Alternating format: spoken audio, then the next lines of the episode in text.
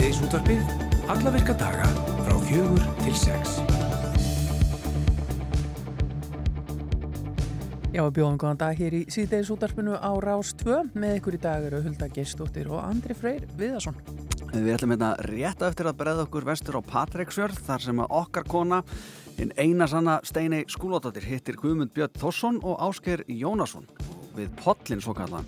Erum meira því bara hérna þetta er örfámyndur. Ég held að Pollurinn væri í eigafyrði. Ég held að líka. Já, við hefum eftir að fá að vita, vita meir um þetta Já. eftir.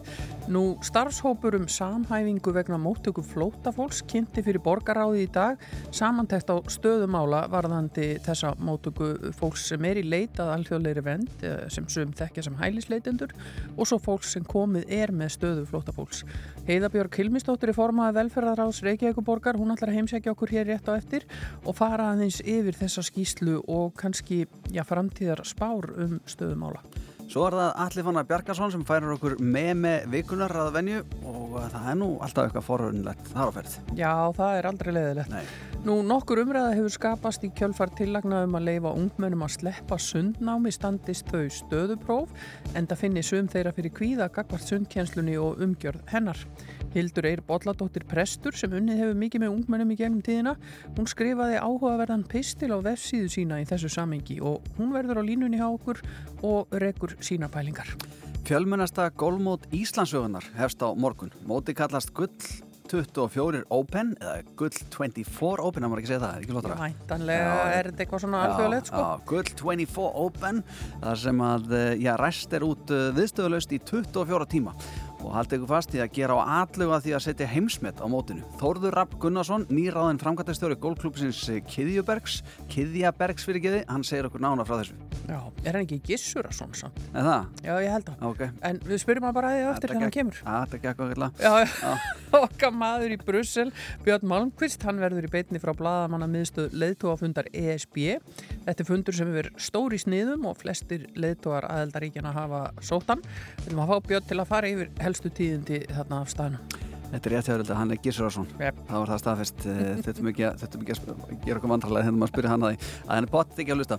En við ætlum að fara að demba okkur í eh, hljóðveg 1 og þau eru nú duglega við að upplýsa ykkur um það sem er að gerast út á landi á sínum ferðalögum. Og hér er svona svo kallað eh, já, ef ekki að segja svona postkort í hljóðmynd eða Jú, hvað, er það þetta, ekki? þetta, er, þetta er allavega ekki innlít, þetta er fre- frekar svona dífa. af Þetta því að- dífa. Þetta, þetta snýst um einhverja pott. Akkurat, og þetta er ekki, sko, nú kemur að ljós er búið að færa pollin úr eigaförunum eh, við skulum eh, heyra hvað Steini hefur að segja um þetta Þetta er kallað pollurinn. Hvað er þetta búið að vera hérna lengi? Hvað er þetta, 1979 eða 8 eða eitthvað slúið sem þetta á byggt? Fyrsti pottina stiftur, Já, 77-78. En fólk var kannski búið að koma hérna að baða sig fyrir það. Já, Já, já, já, já. Bara algjör náttúrulega, bara gæst bara að leiða þar honni. Sér var borað hérna og þá hætti að koma að heita vatni upp. Og þá var bara að fara að steipa og sér var árabátur hérna líka sem var fylltur á vatni. Árabátur. Já, gamlu varbáturinn af Marju Júliu. Fyrsta varskip Íslands. Okay. Og og er það gott efni í heitan pott að vera með bara árabát? Það grotna niður á endanum. það dugur í nokkur ár. Heyrðu, og, og þetta, er svona, þetta er ekki rekið af neinum sérstökum. Það eru bara, ég sé að það er bara svona frjáls framlögkassi hérna og eru þið bara í þessu í sjálfbúðlega vinnu eða? Já, það- við gefum okkar tími í þetta. Og þið eru báðir smiðir, þannig að það er, það er mjög gott að það séu smiðir sem eru í sjálfbúðlega vinnu við þetta. Já, það hjálpa til. Það gerir það. það gerir það. En það er, hérna, við erum í hérna, hluti af, af félagi sem heitir Pollvinir og við erum hérna nokkur kallar sem, að, sem að erum í þessu að, að, að, að þú veist, halda þessu við og, og reynsa pottana og, og gera þá smíðavinnu sem þarf að gera. Og, og af hverju leggið þið frítíman ykkar í þetta? Af því að hérna komu í, ég, ég til dæmis hverju einasta degi. Þannig að ég vil hafa þetta næst og flott fínt sko. Þannig að það, það er ástæðan okkur ég legg mína vinnu til sko. Kemur þetta líka á viðna? Já, já, allan ásinsring. Náttúrulega ykkur daglega sko. Já. Ef ég get. Og frekar heldur en að fara í sundlaugina? E, já. Ég hef ekki farið í sundlegin hérna í nokkur ár. Nei, ég, ég ekki heldur, ekki nema bara til þess að komast í gimmi sko. Já. Og hva, hvað er það við þennan stað sem er betri heldur en að fara í sund? Ekki klór. Já, Það er engin klór í laugunum hérna, þannig að klórin fer ítli í húðun á mér til dæmis. Þannig að þetta er miklu betra og sem kostar ekki tóni það er rosalega góður dýr. fyrir okkar vinnu fyrir þetta vinnu sem reynda kannski doldi dýr. Nei, nei, nei, nei, alls ekki. Þetta er bara unun.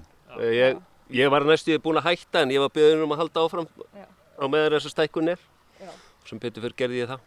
Einmitt, ég sé að þið eruð hérna að byggja við, það er svona lítill skúr þar sem er hægt að fara á skiptum fött Og- Hvað segirðu? Og Og það er styrta líka hérna.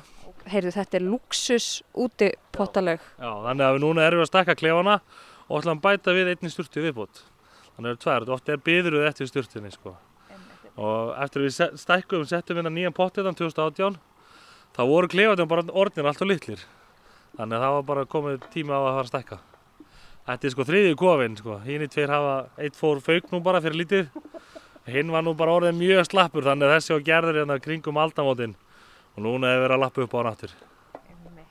Og hvað er þetta mikið viðhald að halda eins og svona pottum í standinu? Þetta er svolítið mikið viðhald. Þetta er á sumrin þarf að þrýfa þetta einu sinni í viku.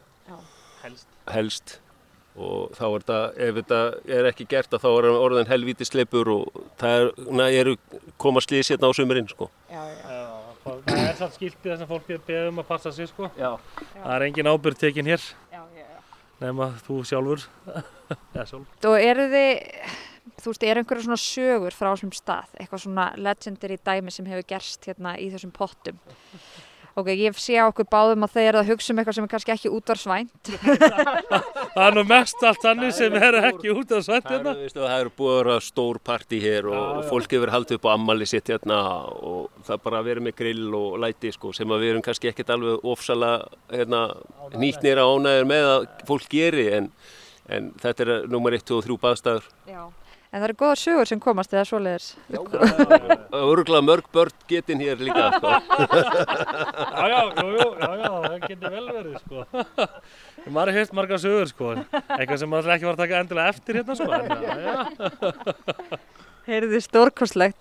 Uh, ég segi bara takk fyrir, fyrir okkar hönd hérna sem fáum að njóta. Að, að það sé hérna. Njótið. Já. Takk sem leiðis. Bara hægt að tala við mig og dríðu honi í pottin og, og pröfa þið. Já. Bara, ég þarf ekki að segja mér það tvisar sko. Rástfö. Fyrst og fremst Við erum Rástfö.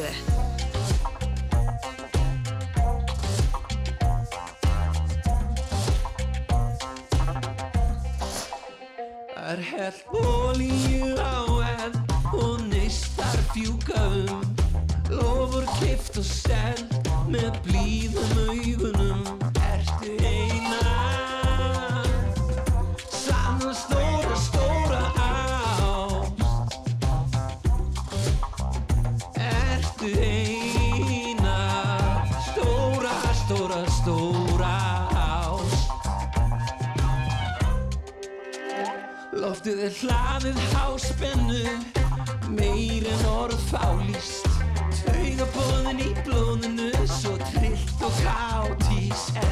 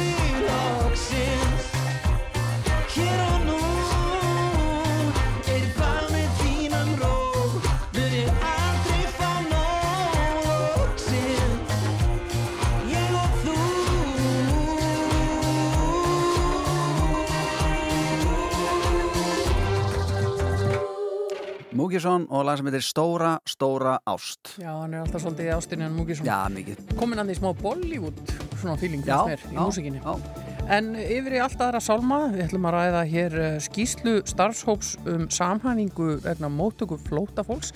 Þessi skýsla var kynnt í borgaráði í dag og þetta er heilmikil samatekt sem að gefur eh, góða mynd af því hvernig málinn eh, hafa þróast og svona kannski spár inn í framtíðina og heiða Björg Hilmisdóttir formaði velferðaráðs Reykjavíkuborgar er komin til okkar ætlar að fara þessi yfir þetta með okkur. Velkomin. Takk fyrir. Þetta er starfshópur sem var skipaður fyrir nokkrum mánuðum og hefur kafað ofan í þennan málaflokk Mhm. og uh, já, hverjar eru helstu niðurstöðunar? Það, þetta er auðvitað málaflokkur sem að vex gríðarlega. Já, hann gerir það og í rauninni stopnu við hennar starfsóp sérstaklega til þess að við kallum þetta samhafingarhóp uh, til þess að bara að vera meðvita um stöðuna hverjum tíma og hvað við erum að gera og, og ég kannski bara að fá að byrja að segja að ég, ég er full aðdáðun á starfsfólki Reykjavíkuborgar og hvað það er búið að gera ótrúlega mikið á skömmum tíma til þess að mæta fólki á flótta Mhm. og það, þegar maður sér þetta svona samantekið þá, hérna, þá finnst mér bara hérna, ástættir sem nefna það. Já.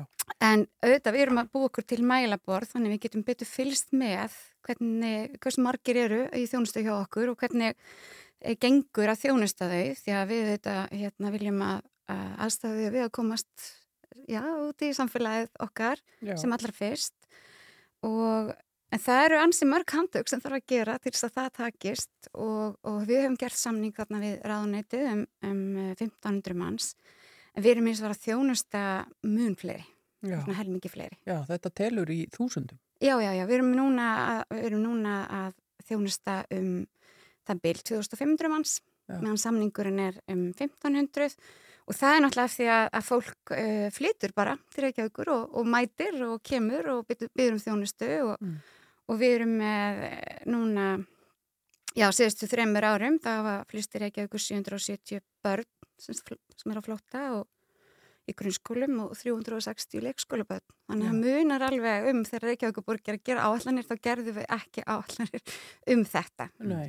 En þau eru auðvitað velkomin og allir eru velkominir sem að vilja flytja til okkar. Já. En það er svona, það er, eh, já, Eru- þetta, að, þetta er mikið. Þegar, maður, og þegar þetta tekið svona saman að þá ser maður líka að, að sko, það er kannski ekkit skrítið að okkur finnist innviðinir okkar vera svolítið hérna, sprungnir og, og svolítið svona tegðir. Já. Svo, getur sagt. svo sem er hérna uh, já, Davíð Þóri Jónsson, hann er prestur og mér hann kent það að trúa prestum uh, hann segir það kostar minn en ekkert að taka á móti flottafólki og það er hreinn hagnaðarði og hann segir að rannsóknir síni fram á það meðal flottamæðurinn borgi upp kostnæðin sem að uh, af því hlaust uh, að taka mótunum uh, hvað hva, er, er þetta kannastu við þetta, er þetta eitthvað sem var á Já, sko ég Kannski hef er þetta ekki... langtíma útreikning. Já, Já. ég segi það, ég hef ekki séð hérna kostnaðar ábata en, en hérna ég veit að flóttafólk eh, er í, já, þau eru með um það byrj 80% atvinnuþáttöku, ég held að sé aðeins hærri Já. heldur en við hinn hérna og, og þú veist þannig að þetta er- að mörguleiti er örgulega hægt að reikna já. þetta út Já. en það hins vegar uh, verður ekki mjög hagkvæmt uh, nema við fjárfestum í því. Já, og við, við einhvern veginn, ég held líka bara að við öll Íslendingar verðum einhvern veginn átt á því að núna koma cirka, sangat e, ríkinu, 4500 manns á ári Mm. sem bætast við og búa hér og við þurfum öll svolítið að, hérna, að vera kannski meira vakandi fyrir því að, að hérna, passa að allir komi í húsfélagið eða íþróttafélagið eða að við séum ekki alltaf, hérna, því þetta er bara rísastór samfélagsbreyting sem er að eiga sér stað. já. En þetta er ekki einn hópur, því skilgreini þetta, þetta er auðvitað mismunandi uh, hópar innan flótta fólks skilgreiningarinnar. Mhm. Já, algjörlega og, og það er hérna, þar getur verið kvótaflóttamæður, þú getur fengið eh, hérna mannúðarleifi, þú getur verið, getur verið fjölskyldu samanheng, það getur verið ymsar ástæður fyrir því að fólk kemur hingað. Já, En núna eru stærstu hóparnir frá Úkrænu og Venezuela. já, Þannig að það er lang fjölmannustu hóparnir og, og hérna... Og, og, og það eru þá hópar sem hafa komið og falla undir þennan svo kallaða hóp kvóta flótta fólks. Nei, Er það bóðið að koma? Eða, Já, eða, þeir fá í rauninni þessa undan þá sem að ríki ákveða að gera og, á, hérna grundvillig manna úr sjóna með og fá þá hér stöðu sem, sem flótta fólk og síðan er auðvitað fólk hér líka sem að býður lengi eftir því að er búið að sækja um og fara ekki svar. Já. og við erum að þjónusta þar um 300 manns, við vitum að, að umhverjastofni, hérna vinnumálstofnun er að þjónusta fleiri í Reykjavík og við vitum ekki hvað marga. Og við vitum ekki alveg hver það fólk er og við hefum kallað svolítið eftir því að fá kannski að vita meira. Og það sem að er svo mikilvægt er að við gerum þetta vel og við fjárfestum og sérstaklega finnst mér mikilvægt að við fjárfestum í því að taka vel á móti börnum. Mm. Sum þessari barna er að koma úr mjög erfiðum aðstæðum Já. og önnur börn eru það kannski ekki en, en að jafna stöðu barna og, og einhvern veginn gefa þeim þessi tækifæri sem að við finnum svolítið fyrir í Reykjavík þar sem að það er ekki, það fylgir ekki fjármagn með börnum að flóta Nei. og, og við finnum að það bara, það virkilega þarf. Já, og þetta eru sangat skýslunni, þetta eru um þúsund börn á, á leik og grunnskóla aldrei sem hafa komið bara núna á þremur árum. Já, akkurat, 3400 grunnskóla og 1750 leikskóla.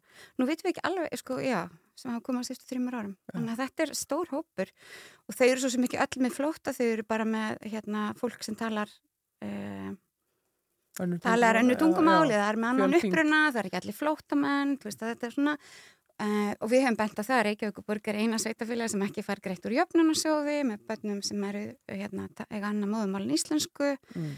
brínt að laga það en svo kannski sérstaklega þessi hópur sem við erum að fá sem að er börn og flótta að, að það er alltaf áfall fyrir barn að þurfa að yfirgefa heimili sitt og sum þeirra hafa kannski ekki verið í skóla árum saman Mm. Og uh, það er búið að setja upp uh, alls konar velkomin til starfa og frístund og sérstakann skóla og ukrainsku og, og hérna, íslensku veri í öllum borgarhlutum og ímislegt einhverja stóðdildir en við finnum samt að þetta er alveg Þetta er mikil áskurinn og ég held að það sé gríðarlega mikilvægt fyrir ríkið ef það vil halda áfram á þessari braut sem að við erum ekki á nokkurn hátt á móti að það komi fjármagn með þessum börnum. Þannig að það sé hægt að veita þeim sem er tækifæri og, og þeim sem hér fættust. Að því í dag, bara núna í dag, heyrum við líka fréttir af, af fjárhalstöðu borgarinnar og þær hafa auðvitað verið til umræðu undafarið. Uh, þetta kostar mikla peninga að gera þetta vel og Mm. taka vel á móti fólki. Eins og staðin er núna fyrir uh, venjulegt fólk hann úti sem er að hlusta, það er ekki að koma peningar frá ríkinu með þessu fólki eða? Það eru svona mismunandi samningar. Það kemur, sko, og þetta, það er svolítið flóki og ég held að við þurfum að taka betur utanum þetta. E, það kemur, uh, það, var, það var búið til eitthvað sem heitir samræmt móttaka og, og ríkið ríki, hérna, fór með það og þeir eru búin að semja með einhver sveitafjölu um það. Þá kemur fjármagn fyrir útlöfum kostnaði og, og eitthvað svona í umsýslu því það þarf ju að hjálpa fólki að skráða sig á heilsugjastlistöð og ná í kennitölu og, og hérna bankareikning og alls konar sem þið vitið og við fáum eitthvað þar. Fyrir flotta fólk sem kemur sjálf þá fáum við ekki neitt fyrir þá umsýslu, þá fáum við raun endur greitt í ákveðin tíma fyrir útlöfum kostnaði. Mm. En það kemur ekki með börnunum í hvoru að þessu, en við fáum með börnunum sem er að býða eftir svari um það hvort við fái Mhm. alþjóðlega vend sem okkur finnst líka svolítið einkennilegt af því að, að, því að hérna, allt er þetta börn sem eru hér komin eiga að komast inn í íslenska skóla við keirum á það, við erum með skóla án aðgreiningar og allir eiga að geta fengið tækifæri og, og að fá svona stóra hópa á svona stuttum tíma er auðvitað bara mikil áskun fyrir sveitafjölinn sem mörg hver einmitt standa kannski ekki það fjárhærslega vel að þau geti tekið þetta úr einhverjum eigin sjóðum. En Nei. mér finnst líka að við bara sem Íslendingar hljótum að vilja hérna, fjárfesta í þessu saman Já. að gera þetta og gera þetta vel og, og fólk er að koma, það er að koma hinsegin fólk og fatla fólk og veikt fólk og eldra fólk og við erum búin að gera alls konar teimi í kringum þetta e, allt þetta kostar. Já. Er samvinna á milli sveitafélag? Það er að hverju samráð uh, en nei, það mætti eflust vera meira. Já. Í samningi sem var gerður um þessa samrændu mótöku við ríkið, þar, það var gerður sérstakum pottur í fyrra haust fyrir börnin Mhm. sem sagt, og sveitafélagin gáttu sótt í það var 150 skrónur fyrir hvert barn í leikskóla á ári og 200.000 fyrir grunnskóla en þetta var bara engreisla. Þetta var bara einu sinni og, uh, og er í rauninni mjög bagalegt að það sé þannig. Og við höfum talað fyrir því bæði Reykjavíkuborg og eins samband íslenska sveitafélag og fleiri sveitafélag að við verðum að vita að við höfum fjármagn sem við getum sett inn í skólana þannig að þeir geti ráði starfsfólk og geti vita að þeir hafi þetta fjármagn. Mm. og þetta er í rauninni sko, já, 200.000 krón, 200 krónur, þetta eru kannski 10 sálfræðitímar fyrir hvert barn á ári. Það er ekki, þú veist, þetta er ekki... Þetta er fljótt að fara. Já, þetta er fljótt að fara og í rauninni held ég að við þyrftum mögulega að greina betur hvað þarf og sömbönnin þurfa miklu, miklu meiri stöðning heldur en þetta er. Þetta var skrifið rétt að átt og við fögnum því en ég held að núna þegar þessi samningar enn út í lók þess árs þá þurfum við að ná betri, já betur utanum þetta, betur utanum verkefnið og, og ríkið þarf í raunin að fjárfesta í þessu líka þannig að fleiri sveitafélag treystir sér til að taka þátt því að nú gerir ríkið ráð fyrir því að það komi hér 4500 manns en þeir eru bara búin að semja við sveitafélag um að taka móti 3000 þannig að það er einhverju 1500 eftir. Og, og, ég, já, ég, og ég finna að það eru mörg sveitafélag sem að treysta sér ekki bara í þetta því að þetta, þetta kostar Já. og með, ef það er metið betur og greitt uh, þessi byrjunarkostnaður þá kannski endur við eins og í Nóri þar sem að sveitafélagin er að keppast við að, að fá fólk til sín og, og finnst það akkur í því að að þarna fáðu þetta íbúa og, Mm.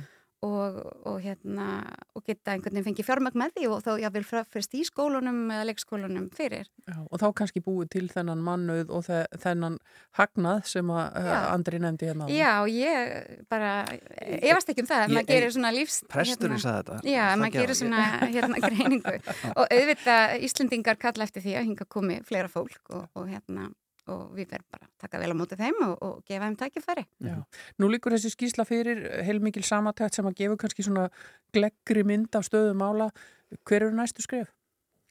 Sko næstu skref eru í rauninni að við þurfum að ná samningi við ríkið aftur, samningurinn sem við erum með um þessa samræmdu mótöku er, hann, hann bara gildur út þetta ár. Við viljum breytunum og við viljum vera samtaka með öðrum sveitafélögum þar. Við viljum líka einhvern veginn leggja áslag að fleiri, fleiri flótta mann komi inn í þannan samning um samningdamótöku. Uh, við höfum ákveðin, uh, ákveðinir áhugjur af uh, breyttu verklagi, hvort að það muni ríkisins í að, að afgreða hraðar og gefa fólki hraðar uh, skilaböðum að það fá ekki vend og, og hérna, við höfum verið að þjónusta kannski um 100 manns á ári sem að eru þá útlendingar í sérstökum aðstæðum eru þeim að fara að fjölga, hvar eru þeir, hvert fara þeir, þú veist að ég held að við þurfum líka einhvern veginn, við þurfum að fá einhverjar hérna, upplýsingar um það. E, þannig að það er ímislegt framöndan og ég held að þetta verkefni er, við erum búin að læra ótrúlega margt og við erum í rauninni komin með sérfræðinga í þessum málum bara núna á örstuttum tíma. Og, og þetta er auðvitað bara reynslu verkefni fyrir Ísland og Íslands samfélag og, og ég held að margir bara sé að gera frábæra luti en við þurfum bara að gera meira. Heiða Björg Hilmisdóttir, formaði velferðarás Reykjavík borgar, takk fyrir að gefa þið tíma og farið við þetta með okkur. Takk kærlega fyrir. Þetta er Rástfö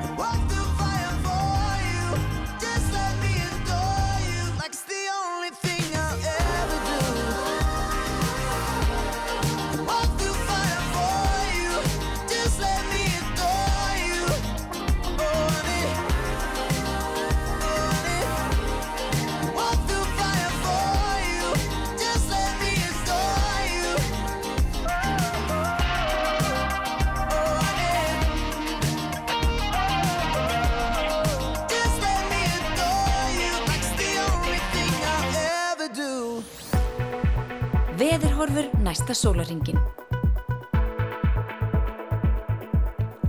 Nú er það ekki bara ég hulda sem að treysti á þig heldur þjóðin. Holy moly, Hún er undir. Hvernig viðrar næsta sólaringin? Ég- Tökum allandið. ég er ekki eins og búin að opna veðurvöðin, ég er nú ekki meira tilbúin en það. Þú tætt við það. Það tekur Þú ert kvíðinn. ekki... Það er, ég var að hlæja því hérna áðan sko hversu sumalegt það var þegar við vorum komin hérna með kakóbolla og kekskug Einmitt. Akkurat. Það er bara teppið Ilja okkur. Alveg, sko Kort, uh, ég er að hræra hérna í alveg góðu. í þessu fram og tilbaka. Ég í ætla, að fletta hérna þess Hérna segir sko, veðurhorfuna Það er stittast á hverjum degi. Ég heldur séu farin svona til að hlýfa okkur Já. bara að hafa þetta í sem stystu máli. Það er sem sagt vestan 5-10 metrar á sekundu en hægari norðaustan til á landinu. Skýjað að mestu og víða dáli til væta. Mm.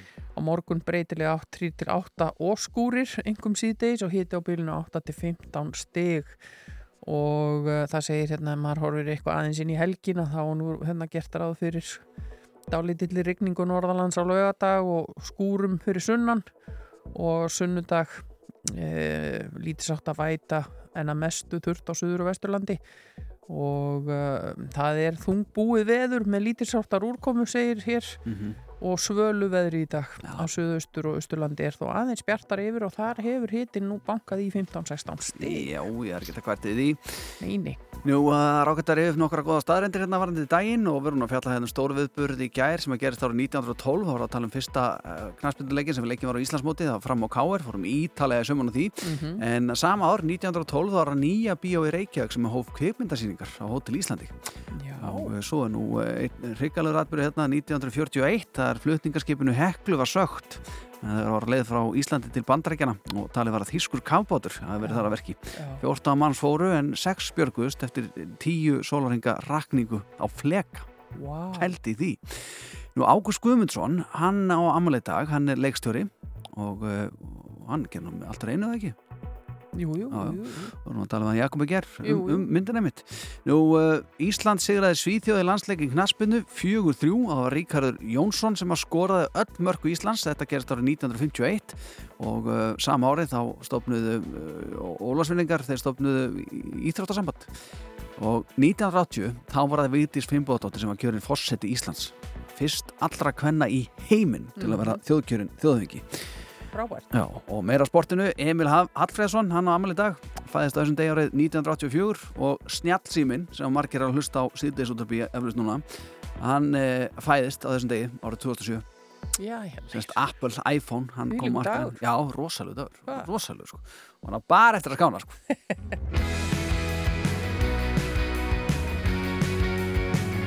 Við ætlum að fara í með með vikunar hérna rétt eftir, haldið ykkur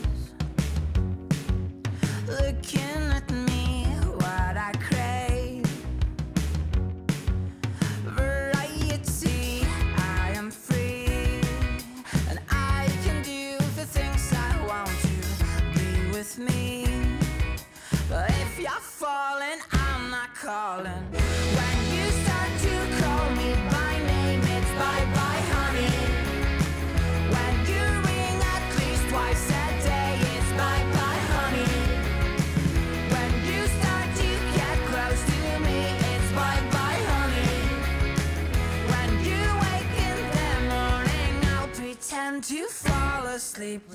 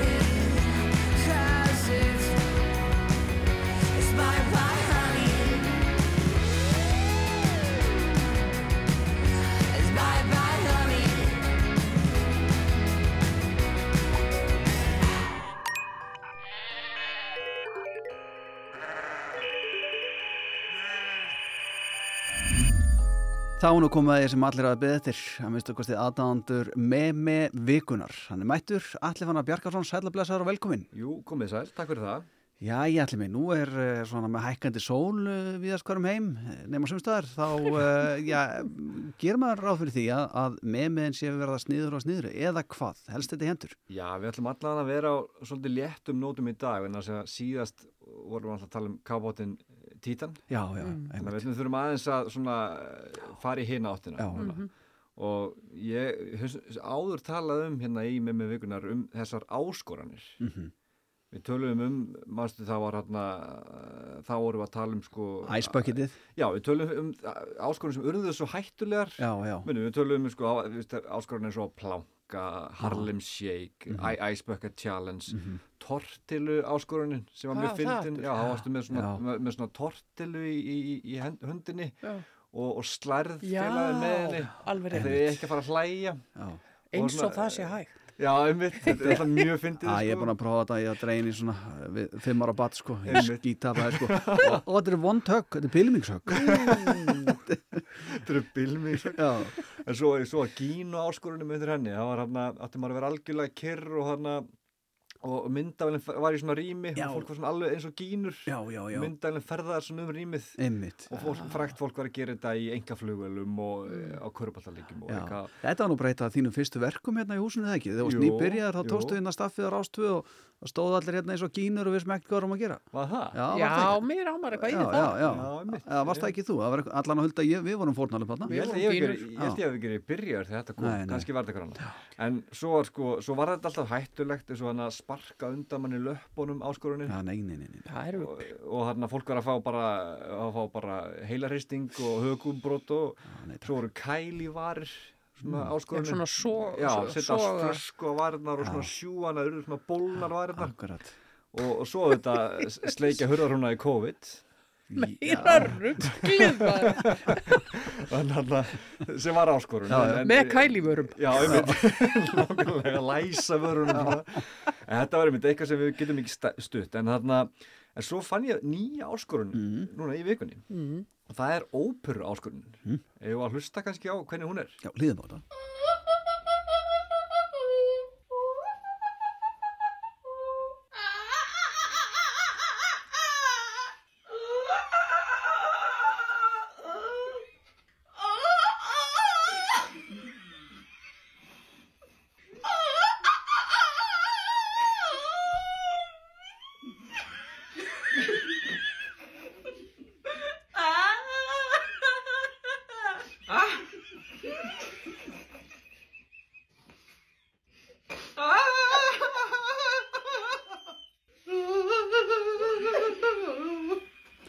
Þarna er sem sagt uh, að okkur sýnist heil fjölskylda Já. að reyna við þetta lag. Já, og Þetta er þetta er rosa. sko, Já, já, og þetta er gekk myndband. vel. Já, það er búið að horfa sko 165 miljónsinnum á þetta myndband á TikTok. Þetta er algjörlega búið að, búið að, þetta er búið að storma, Já. eins og við segjum Já, hér já. í, í með með vikunar. Já, Mozart, hann ringsnýst í gröfunni. Já, nákvæmlega, en, en ég var að veist, eigum við ekki að prófa bara hér? Ef að sko, meina, að prófa að uh, fara í tring hérna, að andri myndi byrja. Ég er lúmskur. Já. Ég verða að viðkjanna. Ummitt. Mm. Áttir þína óperu drauma. Ég vissulega. En svo er líka málið þess að við mögum ekki fara að hlæja sko. Þeir sá að þau voru alltaf að reyna að halda niður sér hláturunum Mhm. Já. og, og, og Ég, ég til í þetta, heldur þetta út að byrja það? Já, ég er alveg til. Já, ok. Allir verður að gera líka. Já, já, ok, það er sem ok, sagt, okay. þannig að ég tek hérna Wow! Ég sagði grefar lúskur Ég á ekki séns, Hann maður. var að æfa sig Nei Sko,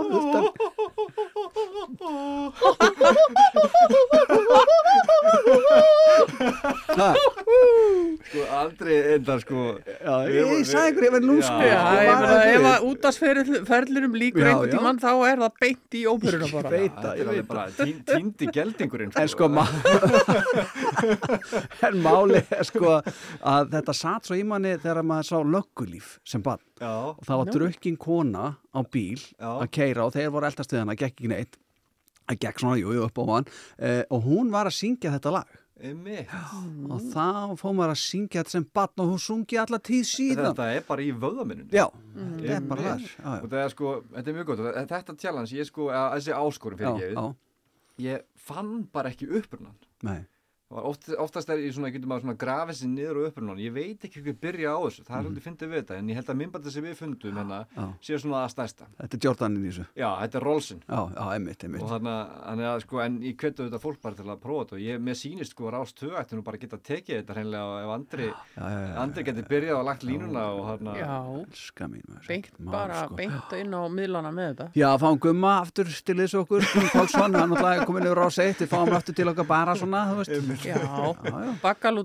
Já, svona tíðnin hendar í þetta. Já, Lofísa getur sungið, alveg svo einmitt. Dotti hefur nú mikið sungið. Lofísa er alltaf góð, við þurfum einhvern sem er ekki svona já, góður. ég, ég held samt að þú verður að taka þetta einu svona enn áður en við- Ekkert mál.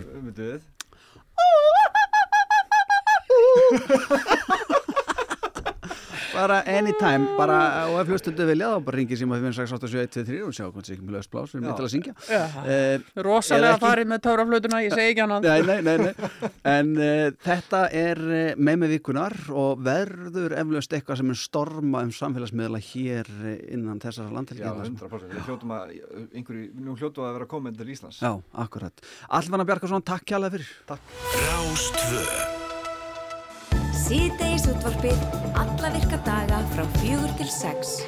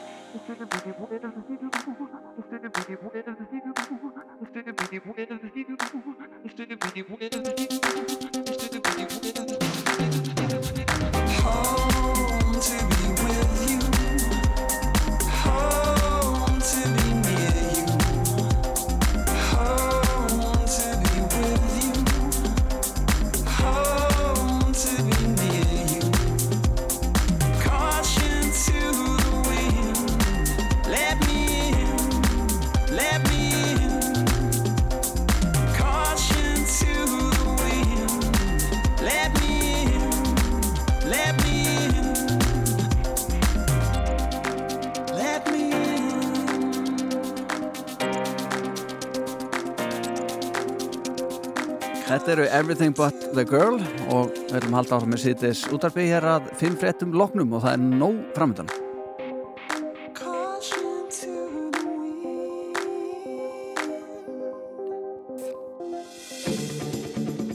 Þú ert að hlusta á síðdeis útvarpið á Rástvöð. Umræða hefur verið um þá ákvörðun að eh, leifa ungmennum að sleppa því að mæta í sundtíma og eh, taka þessi stað stöðuprófin. Þetta er svona hluti af umræðu sem verið hefur í gangi og eh, sumstaðar um landið stendur til að gera breytingar. Ekki allir er á sama máli hvað þetta varðar og Hildur Eir Bolladóttir uh, ritaði áhugaverða hugleðingu á vefsinn undir teitlinum Þægindi eru ekki mannréttindi og Hildur Eir er á línunni hjá okkur. Góðan daginn. Já, góðan daginn, sælveri.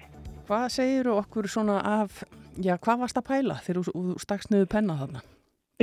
já, já, sko, ég er náttúrulega fyrst alveg hjá eftir þessari frétt og kannski kveikt hún á uh, hlutum sem að ég hef verið líka að hugsa áður en svona varði einhvern veginn til þess að, að svona hrindast að uh, þessar, þessum skrifum mínum og sko í fyrsta lagi kannski það sem að ég hjó svona fyrst eftir var þessi punktur að að tilgangurinn meðal annars með því að gefa krökkum tækifræði bara að taka stöðupróf og, og hætta þá að mæta í, í, í, í sund á skólatíma væri að, að margir væri nú kvíðinir, kvíðinir sko gagvart sundkennslunni eða því að, að vera í sundklefanum með öðrum krökkum og þetta svona reyndi á og, og þetta getur maður alveg skilið það, maður veit það að maður er berskjaldaður þar og, og það er, þetta getur verið viðkvæmt þegar maður er ungur og, og með, með hérna, viðkvæmum sjálfsmynd. En En þá kom upp þessi, þessi pæling hjá mér sem að mér finnst kannski uh, vera mikilvæg, bara almennt núna í uppeldi á börnum og, og úlingum og það er þetta að taka því börn stanslust út úr uh, uh, aðstæðum sem eru áskoranir, Mhm. sem að geta jú sannlega verið kvíðavekjandi heldur að ala með þeim siglu til þess að takast á við þær áskoranir. Já, og uh, það var svona kannski fyrsta sem að ég sko, sem að svona kviknaði á hjá mér við að lesa þessa frétt. Og svo aftur í framhaldinu var ég náttúrulega líka að benda á það að bara reyfing barna almennt hefur minkað þó að mörg börn uh, og til dæmis að það er allt annað en þegar ég er alveg upp í lill samfélag í sveit og þá voru við ekki kerð í einhverja sérstakar sko æfingar, það var ekki þannig í bóði en hins vegar svona almenn reyfing bara yfir daginn var miklu meira þeim árum. Já, þú veist, maður gekk, maður gekk til og frá, sko, þetta fór ég með skólabíl í, í skólan í sveitin en maður var að ganga upp á vega og maður var að vinna útiverk og maður var að leika sér úti við krakka og, og allur leikur var hreyfing. já. Og þó kannski eh, eitt svona sem að maður tekur upp úr þessum pisliðinum er einmitt þetta að jafnvel þó þú stæðist stöðupróf og kunnir að synda að þá sé það bara Já. hreinlega holdt og gott að standa upp á miðjum skóladegi og, og fara í sund í klukkutíma. Já, ég menna, og líka vegna þess að það er einmitt að tala um þetta, sko, að, að, sko, einmitt út af því að hvíði barna mælist tölvöld mikill í dag, barna og ungmenna, að þá myndi ég svona halda að ef það ætti að taka eitthvað út úr uh, eða ætti að minka eitthvað uh, hjá börnum þá væri það einmitt notkun þeirra á samfélagsmiðlum það er svo sannarlega kvíðaveikjandi uh, veruleiki þar sem þau eru einmitt mjög berskjölduð og enginn að fylgjast með og uh, hérna enginn fullorðin sem fylgjast með það er því sem þau eru að upplifa þar og það er náttúrulega rík samanburða menning sem er náttúrulega líka bara henni er rítstýrt og, og hún er ekki, ekki sönn nema einhverjum smá parti. Eh, og vekur auðvitað og hefur náttúrulega bara rannsóknum sínt fram á það. Og það, það, það veldur vissulega kvíða hjá börnum og en að hreyfa sig og það er náttúrulega bara gömulsá og nýju og náttúrulega bara lungu, lungu sönnuð af, af heilbriðis uh, starfsfólki og vísindamönnum uh, sko, er mót eða sem sagt er bara mót efni Já. gegn kvíða og Já. ég þekki það bara sjálf skilur, ég meni ég er bara uh, þetta er bara það sem ég geri til þess að, að vinni minni geður sem það er að hreyfa mig þannig að maður bara þekkir það og við vitum það fullanda fólki Já, þannig að leiðin væri kannski eh, frekara í stað þess að sleppa sundinu að gera aðstæður í búningsklefa og í kjenslunni einhvern veginn þægilegri fyrir þau sem finna fyrir eh, kvíða og þægindum. Já, mér finnst það eiginlega algjörlega liggja augum uppi að, hérna, að, að, að þetta sé akkurat ekki þar sem að börn nútíma styrfa á að halda að þessi minguð sko, skipulögð hreyfing fyrir við dagsins sko, önn mm. uh, og uh, ymmit auðvitað náttúrulega þarf að gæta því, það er alveg rétt og ég meina uh, það eru alveg, það er líka fullari fólk sem hugsa með hillingi til, til skólasunds Mhm. og, og, og hlutar sem að kannski áttu sér stað í búnusklefanum einhvers konar líkamssmánun og, og, og, og, og niðurlægandi tal og annað sem auðvitað er alltaf hægt á þegar börn koma saman og sérstaklega þegar þau eru einmitt e, fáklætt og, og, og, og, og, og kunna kannski ekki allar samskiptareglur. En, en almáttuðum minn við hljótum að geta sem fullari fólk fylgst þar með eins og annarstaðar og leiðbendum og, og svo enn og aftur ábyrðin heima fyrir að ræða sem foreldrar auðvitað við börnum sín um bara samskipti, virðingu, samkend, fjölbreytileika og svo framvís sem að mér finnst nú reyndar börn í dag vera mjög meðvituð um Já. Ef við bara skoðum það. Já, annað sem þú nefndir í pislinum er uh, í vinnu þinni í til dæmis í fermingafræðslu þar sem þú hefur verið að vinna með ungu fólki uh, það er ímislegt svona sem að kemur upp í, kannski úr, úr svipaðri átt það er að segja að foreldrar er að, er að beða, beðast undan því að börnin þeirra til dæmis læri utanbókar. Já, það hefur, sko, nú er ég búin að vera prestur í hvað, 18 ár eða eitthvað svo leiðis og fermingafræðari lengur, kannski um 20 ár og ég sé óbúslega breytingar þarna að, uh, sko, uh, foreldrar, uh, sko, og nú ætla ég að segja, þetta er ekki, sko, þetta er vegna þess að foreldrar elska börni sín og, Já, já. og, og vilja hlúa börnunum sínum, passa upp á þau og, og ég er eh, partur af þeirri kynslu sem er búin að vera með tölvöld samvinskupið hvað börnunum sína því við upplifum ekki kannski veittir nóg mikið tíma og, og, og hérna og erum að fást við það og þá verður oft viðbræði við því er að einhvern veginn að að sleppa þeim við alls konar hlutum sem er valdaðum óþægindum. Það er oft bara afleiðingin af þessu samviskubiti sem að kannski er algjör óþæra því oft höfum við bara verið að eiga mjög innihaldsríka stundir með börnunum okkar. Bara þannig að það sé sagt. en, þannig að, en það sem ég teki eftir er að foreldrar kannski í svolítið auknumæli er að ringja og segja sko já, barnið mitt enn og hann er náttúrulega glímað, hún er glímað við mikla lesblindu og á erfitt með að læra utan bókar og eitthvað svona og og þetta er fermingafestan ekki skólaskylda, heldur bara algjörst val og það er þetta fermast allir, hvort sem þeir eru búin að læra þetta utanbókar eða ekki, það er ekki mm klásus í fermingafestunni, en það sem að mér finnst kannski ekki gott í þessu er, sko, þetta finnst mér bara dýrmætt að all börn sem alltaf fermast kunni faði voru, bæna sem Jésús kendi, sko, til að eiga hana með sér inn í, inn í framtíðina, en svo er það líka þetta að taka frá börnum bara þessa seglu að þurfa að ha- hafa fyrir hlutunum og líka vitandi það að auðvitað, sko, lesblinda hefur ekkert með greind að gera og hérna það er fullt af fólki sem fyrir gegnum langskólanám og, og líka doktorsprófum og kennir í háskóla sem hefur glindi lesblindu. Það, það vitum við bara. Þannig að ég held að pastur þessu sé svolítið að ræna börn, þú veist, þessu bara að, að hérna, ok, þér finnst erfitt að læra eitthvað utan bókar, þá bara tökum við lengri tími það, við bara, eins og ég segi krakkana, þá er bara að lesa þetta yfir á hverju kvöldi í langan tíma, lengri tíma heldur en heldur en kannski, þú sko myndir gera með eitthvað sem að lægi betur fyrir þér, skilur þá þarfstu bara að taka lengri tími það. og, uh, og ég held að sé þetta, þú veist, einmitt að, að sko, það er bara þannig í lífinu og ég nefni nú þarna föðu minn í þessum kysli og, og hvernig hann hafi kent mér siglu, hann var nú fættu 1935 og var svolítið þessari kyslu sem kannski talaði ekki mikið um tilfinningar og annað en hann kenti siglu. Og ég stundum bara svona til að setja eitthvað myndrænt samingi, hugsa með mér sko með svona hann, sko ég tvítu þegar hann fær uh, heilabil og getur ekki lengur verið til staðar sem pappi, hann getur ekki lengur verið til staðar til þess að, að hjálpa eða, eða leipundi bakka eða, eða uh, gera eitthvað hluti skilur fyrir mig, þannig að þá þurfti ég algjörlega að standa á eigin fótum sem, sem, en þá að því að hafa verið kent það að þurfa að standa á eigin fótum, þurfa að tala fyrir sjálf mig þurfa að sína seglu í alls konar erfiðum verkefnum og við vitum ekki sem foreldrar hvað okkur nýtur lengi við og það, það sem að vera markmið okkar þegar við við börnin okkar er þetta það að þau standi báða fætur og séu sjálfbarga einstaklingar og til þess þar seglu og það er ekki eitthvað þannig í lífinu að eitthvað getur komið og tekið sko frá þeim bara verkefnina því þau eru óþægilega. Nei, þetta eru góð loka orð Hildur Eir Bolladóttir Prestur, takk fyrir að deila þessari hugleðingu þinni með okkur hér í síðdegisútarpinu og uh, njóttu dagsins. Takk sem leiðis Rástvö Þú ert að hlusta. Á síðdegisútarpið á Rástvö You get high on the casa, you find tongue off the lawn, you monk off the rouser, and you sink off the wrong.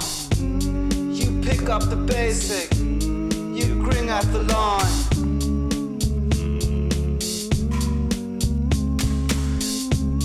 I love you so, I find you crazy. I love you so, I find you crazy. I love you so.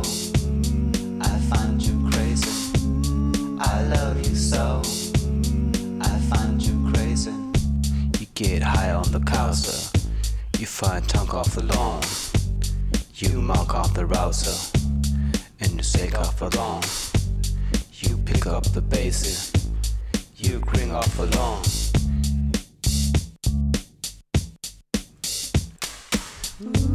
You get high on the casa. You find tongue off the lawn. You monk off the rouser. And you saint off the wrong. Pick up the basic. You grin at the lawn. I love you so. I find you crazy. I love you so. I find you crazy. I love you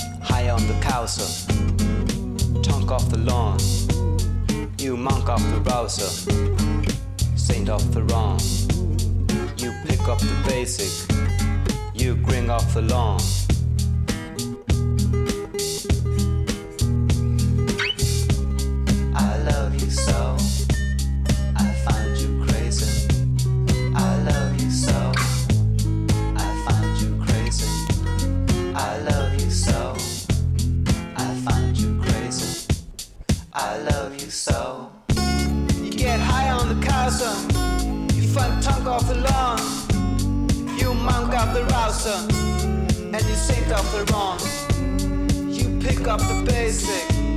You grin at the lawn.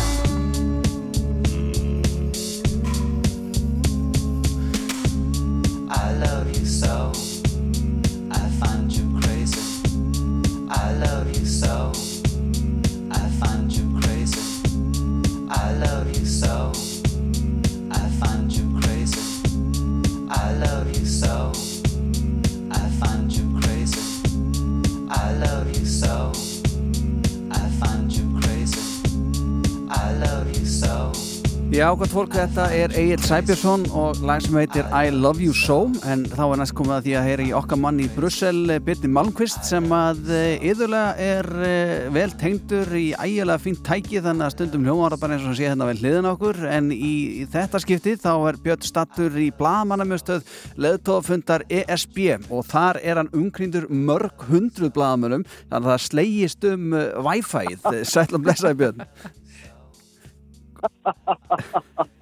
Það má kannski segja það, Andri, að það sé slegist um, um hvert einasta, hvað heitur það, bæt eða Já, eitthvað slegist, hérna, bæði á Wi-Fi-inu og líka í fartímasambandinu, þannig að hérna, það er enginn fyrir að við þurfum að slaufa þessari græju sem ég er alltaf með. Nei, nei, en þú ert sem sagt stattur þarna í blagamannamiðstöðinni og þessi fundur, eh, hann er eh, í stærra sniðinu eða hvað? Já, sko, eh, það er náttúrulega sama, sami fjöldi af leiðtóðum hér eins og, eins og alltaf, 27, eins og, eins og jafn margir eins og ríkin eru í, sko, Europasambandinu. Um, en, sko, ég myndi nú segja það, sko, ég er búin að sækja ekkert rosalega margar svona fundi, ég hefði þessi kannski fjórðið eða fymti fundurum sem ég sæki og ég hef aldrei séð svona mikið af, af frekkarfólki hérna eins og núna. Er, ég stend hérna í miðum salnum sem er nú reyndar sko venjulega fordyri leituðabyggingarinnar og galtómt. Svona mjög hátt til loft svo vitt til veggja og glertak hérna fyrir ofan. Það er aðeins byrja að rigna sér í Brussel sem er nú bara velkomið. En það er þess búið að breyta þessu í blagamannum. Sko, hér eru, ég var að segja svona 12 raðið á borðum sitt, sitt sko megin við, við gangvegin. Ég myndi svona skjóta á skjóta svona þúsund manns inn í þessum sal akkurat núna og það er ansið mikill munur uh, og hérna á svölunum fyrir ofan, fyrir ofan ingangi þar stendur fólk í röðum í betni útsendingu í sjónvarpinu svona til þess að hafa goða yfirsýn. Þetta er náttúrulega Þetta eru náttúrulega stórir fundir, sko, þessi leittóafundir Evrópusambandsins sem eru haldin svona alla jafna fjórusunum ári, stundum eru aukafundir. Uh, þetta eru stórir fundir og ástæðan er einfallega svo að hér er svolítið verið að takast á um og finna málamiðlanir á alls konar málum sem að, sem að geta verið stór eins og til dæmis núna. Það er verið að tala um Úkrænu, það er verið að tala um flottamannamál og, og, og, og það er hérna, ég minna, veist, þetta eru leituar aðeldaríkjana, þannig að það er hér sem að svona stóru línunar eru dregnar og á því hafa fjölmjölar í Evrópu og reyndar öllum heiminum bara mjög mikið áhuga. Mm. Og, og það eru einmitt kannski málefni Úgrænu og, og staðan í Rúslandi eftir uh, nýlega viðburði sem að eru stóru málinn hana. Já, það held ég að hafi nú verið fast um annað rætt hér allavega framan að degi. Þeir komu hérna um hátdegispilir, byrjuðu á því í leituðarnir, byrjuðu á því að eiga svona hvað, hvað heitir það vittlust, svona vinnu hátegisverð með, með hérna með Jens Stoltenberg, frangott að stjóra NATO. Þar var að sjálfsögðu talað um Ukrænu og það var að sjálfsögðu líka talað mjög mikið um Rúsland. Við veitum alltaf hvað gerðist í Rúslandi um síðustu helgi. Það var svona hálgerð, ég segi ekki hérna fyrrun til uh, Valdaráns en, en, svona það stappaði nærriði allavega og, og, og þótt að því virðistum hafi verið afstýrt allavega um, um stundarsækir í Rúslandi þá er mjög mikil svona óvissa með, með stöðumála þar og kannski stöðu leikan þar uh, hvað var það stjórnvöld. Og af, af því hafa náttúrulega leituar hér mikla ráðvíkja verðin þess að Rúsland er jú kjarturkuveldi og, og það skiptir máli að, að, að þar svona séu menn með huga með öfnið eins og það heitir. Já. Björn, þegar þú er búin að sækja nokkra svona fundina og, og ekki bara þessa fundi, ég meina þú er búin að fara á marga svona stór viðbyrði út í heimi sem eru vissulega mikið fréttaefni og mikið að blada á fréttamönnum á staðnum. Er þetta þá bara svipa fyrir þig og þegar, ég meina, Metallica og Foo Fighters hittast baksvís á okkur stór tónlistaháttinni, þú ert alltaf að hitta svona kunnulega andlit og félaga? Er Björn þá Dave Grohl? Já, þetta, okkar maður Er þetta að hitta gamla félag? Fyrir ekki að dreyja Þetta fór alveg úr böndunum bara Ég er alveg bara að missa það núna sko. Nei, nei, já, jú, ég meina, ég er náttúrulega hindi þetta Ég heiti hérna fullt af fólki sem ég er búin að sjá mjög oft áður já, já. og það er alltaf fylgið því að vinna hérna í Börsel að maður er alltaf í kringum sama fólki í sjálf og sér, þetta er alltaf sama fólki sem að sækja þessu viðburði og ég menna fréttamenn frá öllum ríkjum Evrópu og, og, og, og svo við þessi leitað og ég meina ég er alltaf eignast hérna kunningja og samstagsfélaga og ég meina ég var að tala við kunningjakonum mína sem er hjá Lítávanska ríkis sjónvarpinu áðan og við vorum eitthvað að spjalla um, hérna, um Stoltenberg og hún fekk hérna, þú veist, frangotastjóra NATO og, og hérna, allt í henni fekk hún síndal og það bara, herru, svo leit hún á mig og segði bara, herru, hann verður áfram maður í jobbinu. Og ég var nú búin að heyra aðeins að þessu en hérna, og bara, var að segja þetta? Og svona, svona, svona, svona flög sagan eitthvað um allt, sko, svo kom þetta bara á fréttaskiptunum rétt á þann að, að hérna, að Jens Stoltenberg, uh, sem frangotastjóri NATO, verður áfram í sínu starfi, það er búið að framlengja hann einu sinna, hann ætla að hætti fyrra. Það var framlengt út af stríðinu við, við, í Ukrænu núna virðist allt benda til þess að, að hann verði áfram. Það er nú einn svona stór fréttin í dag allavega svona í, í þessum kreðsum. Hann var einmitt hérna í morgun. Og uh, það er svona, þannig að þetta er svona maður, maður, maður, maður, maður kynir fólki fólk tala saman, fréttamenn eru yfir höfuð ekki mikið í samkeppni hér af því að þeir eru hver að vinna fyrir sína landsmiðla, þannig að þú veist, það er svona það er, það er mjög mikill samhugur. Og bara sem dæmi um sko hvaða getur verið gott að vera á svona stöðum og vinna á svona stöðum er að sko hér, hér eru sko miljón dollara virði af græjum út um allt hér í, í blagamannamiðstöðun og inn á skrifstofum hérna með hliðina. Hér standa allir upp bara og lappa frá þeim og fá sér kaffi og, og hérna skilja allt þetta eftir og, og hafa engar áhyggjur af að hér sé einhverju stóli. Þegar hér á svona, á svona samkomum er bara það er bara þannig, það er bara maður getur verið fullkomlega steif með allt sitt dót, sko, ég geti skilið eftir hérna græjuna hérna sem ég var að alltaf að tala í, ég geti skilið hann eftir út á gólfi Það er enginn að fara að taka hana, hvað sem er. Það er ein, að því að, að því að fólk, að því að það vita allir hvað þetta skiptir miklu máli fyrir fólk. Já, já. En Og það ekki getað hérna fengið- allir- Það það eru allir í sama liðinu. sko. Hefur ekki getað fengið lána einhver almennilega græði þá þarna, einhver stærri kringu þig? Nei, nei, hann er með síma app sko. Ganga allar, þær, þær, þær ganga allar á sama kerfinu. Já, það er rétt. Bara, Það ég, rétt. ég, ég er alveg við þú að það eru allir í sömu vandræðum og ég núna, sko, nema þeir sem eru með gerfin þetta sambandi eitthvað álítið. Já, mér finnst þetta líka bara, Björn, mér finnst, er það bara, ég, já, mér finnst þetta bara viðandi líka því að sko iPhone-in hann á ammal í dag, hann, hann fæðist á þessum degi árið 2007, þetta er bara flott, bara mjög viðandi. Herri, Ég ætla að mynda að fara að nota iPhone-un á eftir því ég verði beitni útsendingu í, í hérna sjónvarpunni í sjónvarsleitum klukkan, klukkan sjö heima. Já. Þá ætla ég að reyna að vera hérna í beitni á iPhone-unu. Við slum sjá hvernig það gengur. Hvort að, hvort að verður eitthvað aðeins minna álaga á, á farkímakerunni. Ég ætla bara, ég með, núna er ég búin að krossleika fingur og bara og vona það bestast. Já. Já, Björn, eh, það verður fróðilegt að sjá hvað kemur út úr þessu öllu saman og, og uh, þú uh, heldur áfram að vera á staðnum og færa okkur fréttir þegar það gerast og hérna og Ég gerir það, ég verð hér í dag og á morgun og hérna við bara, já, við fylgjumst með því sem að hér kemur út. Hér við líka talað um flóttamannamál sem er mjög stórt og alvarlegt mál sem að blasi við Evropasambandinu. Það er mikið búið að tala um það og það er mikið búið að rífast um það líka því að það er mismunandi skoðanir aðaldaríkjana. Þannig að það er svona eitt og annað sem að, sem að verður hér til tals og það verður, ég get lofað eitthvað því, það verður eitthvað fréttnæmt hér. Björn Markvist,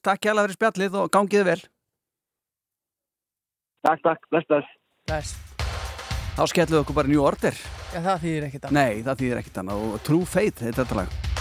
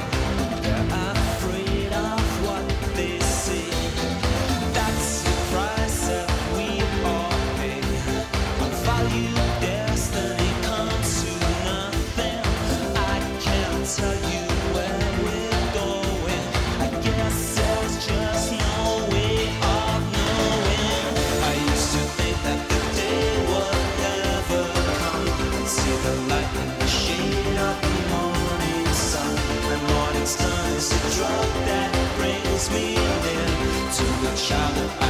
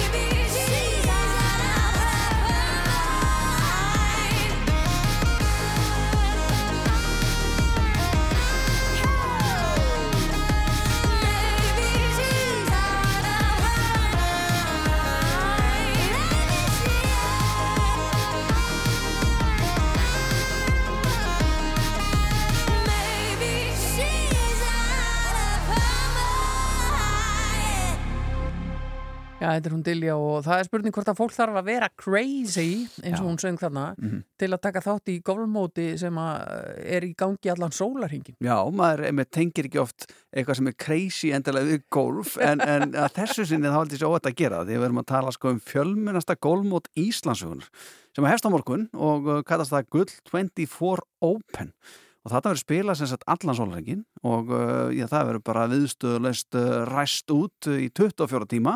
Og ekki nóg með það því að þá á að gera allega heimsmyndi og við erum komið Þórð Rapp Gunnarsson sem er Gissurason sem er nýraðin frangöndastjóri golfklúpsins uh, Kiðjabergs og hann er á línni, sætla blessaður.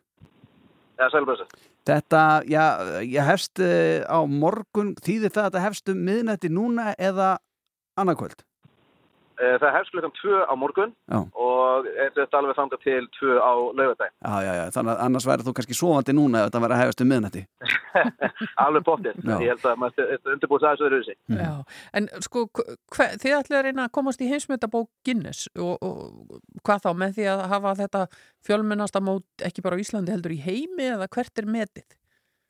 Já, við erum sem sagt, eh, náttúrulega Ísland er þannig staðsett að við getum búið upp á það að vera með þetta samfleyt í 24 tíma og fyrsta skipti sem við heldum við þreymur árum þá náðum við rúmlega 400 manns og ég held að það sé í raun og veru svona uh, heimsmetið á svo stöttu, svona óskrifa Mm. og það er okkar plan að reyna að bæta það í ár og reyna að ná kannski 500 manns, það var náttúrulega alveg frábært. Við erum núna í 300 manns en það getur vel verið að að hér náist inn núna í, í dag að smerti lifir Já.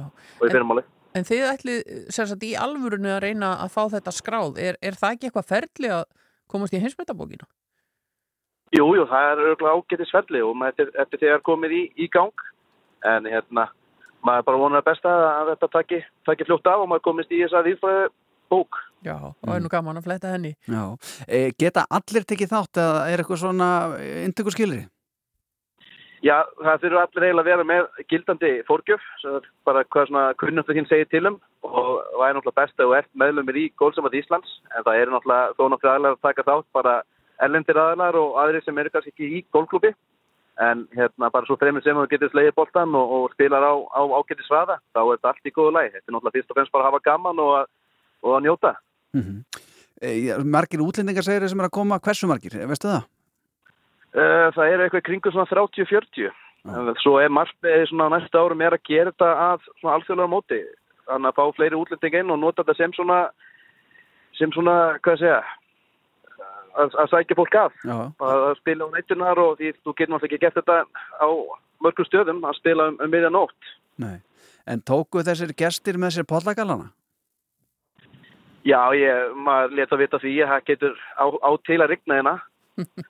En uh, það sem betur fer að þá held ég allir séu með, með bollagala og kannski rúmlega það, kannski tvö stykkjaði. Já, já. Einhvern tímann heyriði það að uh, maður þurft alltaf að vera svona í, í ákveði klættur, uh, maður mætir ekkit bara gallabuxum og prjónapessu eða lópapessu á, á golfvöllinu, maður þarf að vera svona, í- já, í viðiðandi fatnaði. Eru til uh, svona golfreggfatnaður, er það til?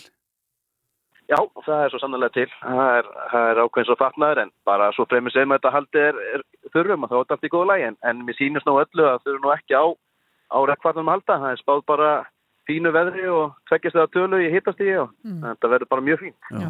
Nú golfið að verða, já, ef það er ekki orðin bara ein vinsalasta íþrótt landsins, ekki bara í keppni heldur svona sem almennings íþrótt, er brjálað að gera hjá ykkur á, á Kiðabergi? Já, það eru mjög mikið af fólki sem er að koma frá höfbruksæðinu og, og kíkja í Kiðbergi. Við erum búin að vera það lánsamir að hérna, völlin er búin að vera mjög góð að standi bara frá uppæði. Það ekki, var ekki besta tíðfari veðfarslega séð í vettur. Þannig að margir vellir komum minn verra út heldur en svona venjulega. Mhm. En við slöpum bara ansi billega frá þessu. Þannig að þetta er búið að hérna, vera bara mjög fínt hjá okkur. Já. Og hvað þarf maður að gera til að mega spila eins og til dæmis á vellinum hjá ykkur? Þurfum við að vera í klúb eða hvernig gengur þetta fyrir sig?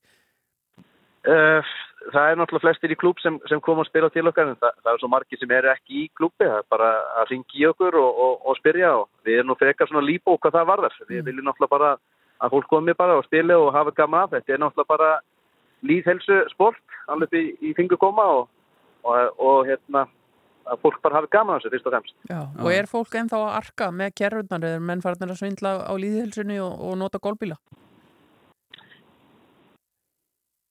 Svona erfur að lappa fyrst mörgum, þannig að það eru margir sem taka gólbíla en, en þeir sem vilja fá svona auka hjarslátt og þeir taka göngun á þetta. já. En þóruðu þegar það er að ræsa út í 24 tíma uh, þá veltum það fyrir sér sko er ekki slegist um að fá að byrja eða vera framalega í rauðinni? Jú, það eru þó nokkuð margir sem vilja vera, vera framalega en, en við komum því náttúrulega til skila menn þurfa líka vera nokkuð á fljótir að spila. Geta ekki verið að, að hangsa við þetta en, en það er svo mismöndi bara hvernig þetta er eftir fólki. Bara hvort að vilja spila snemma eða vera kannski með þeim síðustu. Sem vilja vera kannski setni kvöldi og þá er kannski aðeins minna að gera. Þannig að það getur aðeins verið svona að dunda sér og, og njóta hverjuna sem keðabarsvöllur er og náttúruna sem er hann fyrir hendi. Akkurat. Uh, já, við segjum bara gangi ykkur vel með eh, stærsta gólmót, eða fjölmennasta gólmót Íslandsögunar, uh, Gull 24 Open, Þórður Rapp Gísurásson, ný ráðinn Franklandastöru gólklúpsins Kirjabergs. Takk fyrir spjallið og bara enn og aftur gangi ykkur vel. Já, takk fyrir. Já, gaman að þessu. Já, virkilega. þú spilað, ertu golfari? Andri? Nei, ég hef aldrei slegið gólfbólta. Ekki heldur. Nei, ég, minigolf? Við hefum mikið eftir. Já, við hefum spilað minigolf. Já. Já, það er gaman. Já, það, er, það er svona smá. Sílsot. einhvers það verður að byrja. Það eru við bara í lópabissum og galabissum, það er bara ekkert mál. Þetta er Lights on the Highway. Ósamþykta malbyggum Vaknar ókindin sem er ætt til staðar. Leggur inni blen að flót í synda vökvanum Líkt og spýr allir á við hraðar og hraðar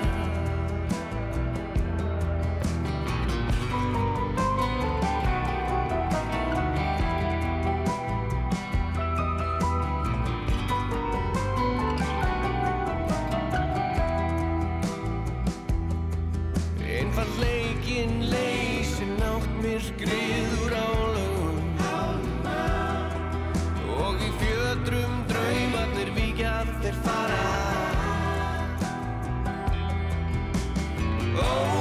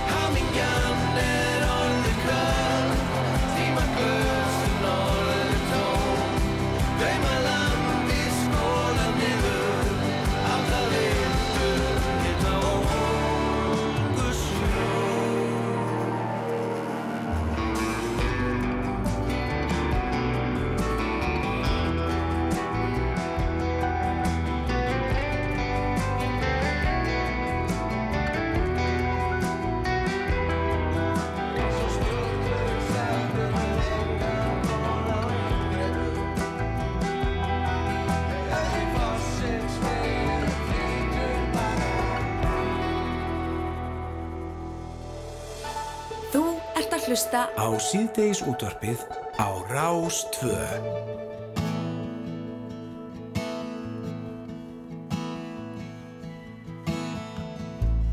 Take me out into the chaos, waiting up for Helios.